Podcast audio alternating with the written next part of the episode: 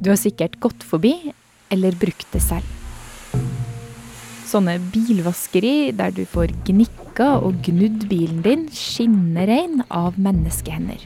For bare noen få hundrelapper. Kanskje har du ikke tenkt noe særlig mer over denne rimelige prisen, men i denne episoden så skal vi gjøre akkurat det. For hvem er det egentlig som vasker bilen din for noen usle hundrelapper? Men du forstår litt norsk? Litt. Bare litt. litt ja, okay. okay. Her kan vi velge alle språk. Ikke sant. Nei, men han har jo bodd her såpass lenge. For Alex ble jobben på bilvaskeri et fem år langt mareritt. Du hører på Forklart fra Aftenposten, og jeg er Marit Eriksdatter Gjelland. I dag er det mandag 15. februar.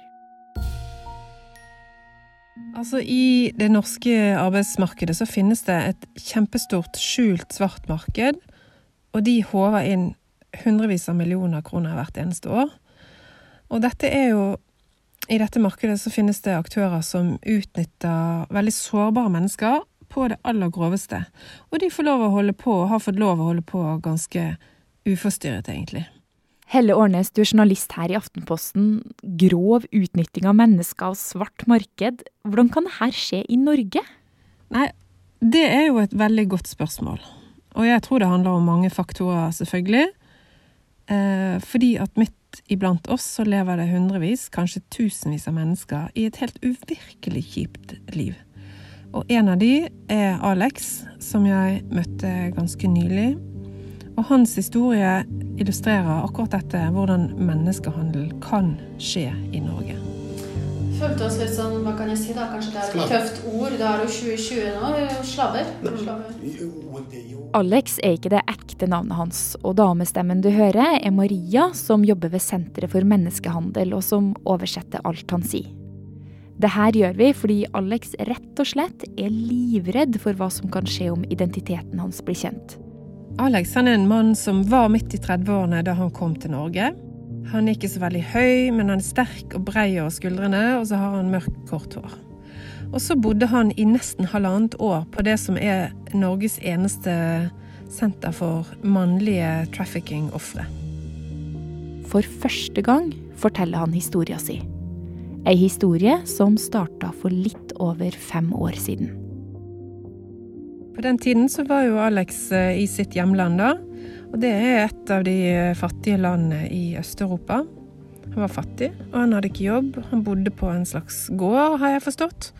Eh, Han har en syk søster og en gammel far som han forteller er slagpasient.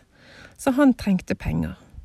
Og da han ble kontaktet av en venn og fikk tilbud om å komme til Norge for å jobbe, så takket han jo bare ja. Og det her det er jo en ganske god mulighet da, for Alex, i hvert fall sånn på papiret. Ja, for uh, i det landet hvor han kommer fra, så er jo mulighetene ganske dårlige for en som Alex. Og jeg tror han kom til Norge fordi at han drømte om å tjene penger til å ta seg av faren og søsteren, og, og om et bedre liv uh, for seg selv også. Men denne drømmen om et bedre liv skulle jo vise seg å bli det stikk motsatte. Det ble jo et mareritt. Hvis man visste noen form for motstand, så da ble de eh, truet eller slått. For da Alex kom til Norge, så skjønte han ganske fort at ting kom til å bli annerledes enn han hadde trodd. For i stedet for å tjene de 120 kronene i timen han hadde blitt lova, så forteller han at han fikk 30 kroner i timen. Og i tillegg så måtte han jobbe 11 timer om dagen, 6-7 ganger i uka. Og hver dag så ble han kjørt rett fra jobb til et iskaldt rom på toppen av en låve. Han forteller òg at han ble trua, og at flere av kollegaene hans ble slått av eieren av bilvaskehallen. So. Kasta han på gulvet med never og Ikke i ansiktet, da. Han var ikke så dum. Han ville ikke jeg skulle få marker. Han fikk beskjed om å rekruttere andre fra hjemlandet sitt, noe Alex også gjorde. Og flere ganger så prøvde han å komme seg vekk. Men han dro stadig tilbake, bl.a. pga. trusler. Det er veldig mange mennesker her som ikke tror på hva som foregår. Særlig på villmarkssteder, da. Altså Hvis det er riktig som Alex forteller, at han ble tvunget til å jobbe så mye, og at eieren stjal eh, lønnen fra de, rett og slett Fordi på papiret så hadde de jo en helt annen lønn. Men hvis dette er riktig, så, så er det jo rett og slett en slavekontrakt. Det er slavehandel i Norge. Og det som er trist her, er jo at Alex er jo ikke den eneste som jobber og lever sånn i Norge. Det finnes mange, mange flere.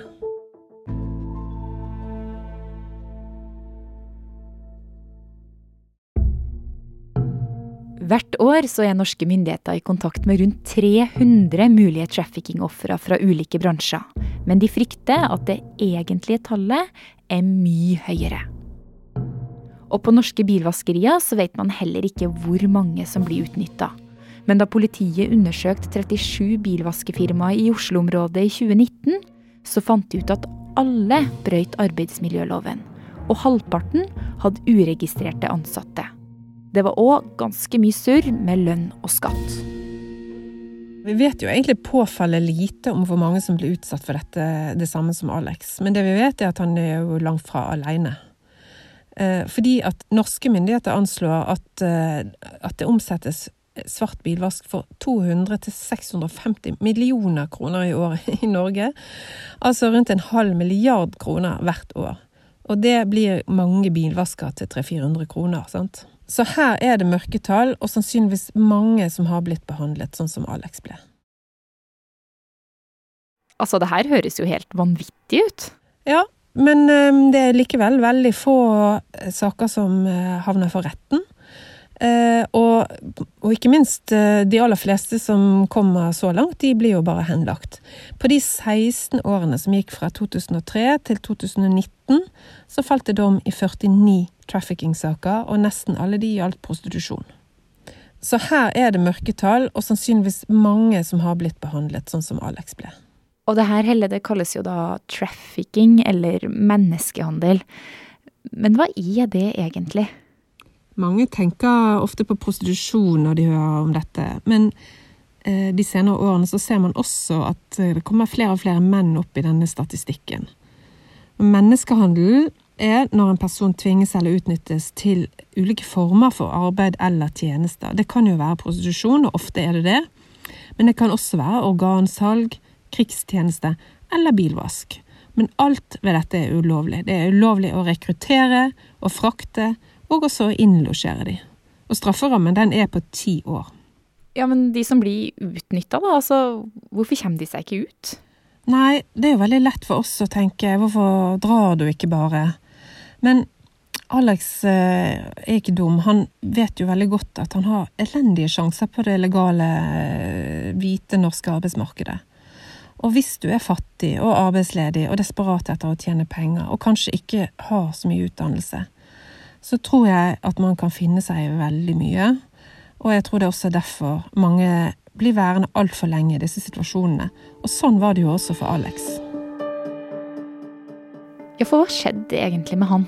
Det som skjedde med Alex, var at han ble værende på bilvaskeri i fem år før han klarte å komme seg unna.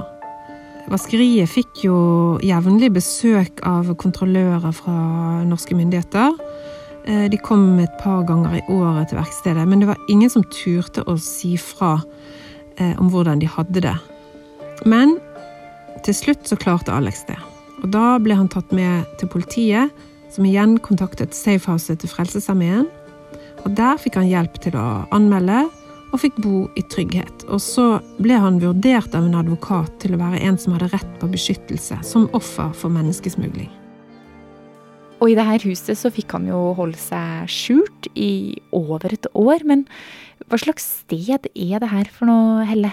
Nei, det er et slags eh, Hva skal man si? Det er jo et slags krisesenter, da. Altså et gjemmested, rett og slett. Og Norges eneste da for menn. Og de fleste kommer dit fra arbeidslivet. De får eh, gjerne via politiet, da. Eh, og, og, på dette huset som heter Filemon, og drives av Frelsesarmeen, så har de hatt 42 menn inne på samme måte som Alex de siste fem årene.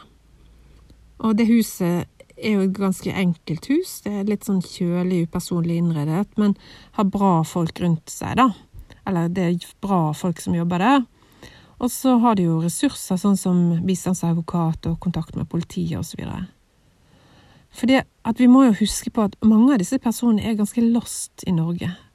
Hvordan skal du vite om Nav, liksom? Eh, rettigheter, arbeidstilsyn og sånn, når du ikke kan norsk eller engelsk og aldri møter folk, eller kanskje du ikke kan lese engang? Men heller, som du sier, så, så, drar jo Arbeidstilsynet og politiet på kontroller fordi de vet det er en del snusk i bransjen. Og de finner jo også hele tida lovbrudd, så, så, hvorfor klarer de ikke å stoppe det? Ja, det er, det, det er sikkert komplisert, men det er i hvert fall noen grunner da som utpeker seg. Og det er jo eh, for det første, det er veldig liten oversikt over disse mange aktørene. De popper opp litt her og der. De bruker sånne stråmenn, altså det står andre navn oppført som eierne enn det de egentlig er. De er sånne konkursryttere, sant, ofte. Og det er heller ikke sikkert at arbeiderne som blir utnytta, tør å fortelle sannheten eller anmelde saken til politiet, rett og slett fordi de er redd for å bli sendt tilbake til hjemlandet. Og når noen først anmelder saken, så ender den sjelden med dom. Og i tillegg til alt det her, så har politiet lite ressurser til å etterforske. Sakene er mange, og det er vanskelige saker. Det er vanskelig å bevise at det er tvangen i bildet, f.eks. Og selv om Riksadvokaten jo har sagt at dette skal prioriteres, så blir det vel egentlig ikke det. Men det er også en siste ting som gjør denne typen menneskehandel ekstra vanskelig å avdekke. I realiteten så er det jo sånn at dette er folk som er sårbare, de er desperate. Ehm, for mange av disse vil det faktisk være bedre å være et offer for menneskehandel og jobbe og være en slave enn å bli sendt hjem da, til den virkeligheten som de kom fra. Det frister kanskje ikke helt å betale de der usle hundrelappene for en bilvask lenger. Men hva kan du gjøre, da? Det finnes det dessverre ikke noe klart svar på. Men en huskeregel er iallfall at om prisen er for god til å være sann, så er det sannsynligvis en grunn til det. Og ser vaskehallen litt shabby ut? Ser du madrasser på gulvet? Eller ser det ut som de som jobber der er veldig sliten? Så kan det være et tegn på at alt ikke er helt ok. Men det er vanskelig å være sikker. Til og med myndighetene mener jo at dette ikke er godt nok. Og derfor så kom det jo også i forrige uke så kom det forslag til eh, lovendringer rundt dette. Så vi kan jo bare håpe virkelig at uh, dette vil bli bedre og enklere og mer oversiktlig uh, i fremtiden. Når det gjelder mannen som Alex jobber for, så vet Helle hvem han er, og at han er tidligere straffedømt. Vi har likevel ikke kontakta han, og han er også anonymisert helt av hensyn til Alex sin sikkerhet. Og Alex? Alex, han eh, Da jeg møtte han, så grublet han over at han hadde lyst til å reise tilbake til hjemlandet. Og det fikk han anledning til. Han er tilbake i hjemlandet sitt nå. Han fikk sånn støtte fra IOM, altså FNs eh, kontor for migranter, til eh, en slags billetter, eller flybillett, og, og for å dra hjem. Og så fikk han litt pengestøtte da han landet i hjemlandet. Og jeg tror han har tenkt å bruke de pengene til å fikse litt på et bygg på den gården han kommer fra. Det er jo fremdeles vanskelig for han, det er sykdom i familien, og før så hadde han jo penger å sende hjem hver måned. Litt penger i alle fall. Det har han ikke nå lenger.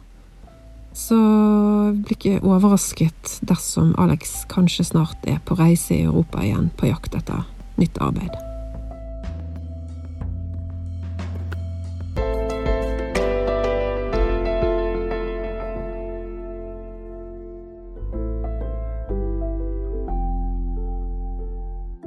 Denne episoden var laga av produsent Ina Swann og meg, Marit Eriksdatter Gjelland.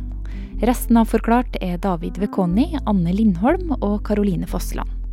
Og forresten, hvis du har noen spørsmål du ønsker vi skal se nærmere på her i Forklart, eller om du bare har tilbakemeldinger som enten er bra eller dårlig, så send oss gjerne en melding på Facebook eller Instagram, eller bare send oss en mail på forklart krøllalfa aftenposten.no.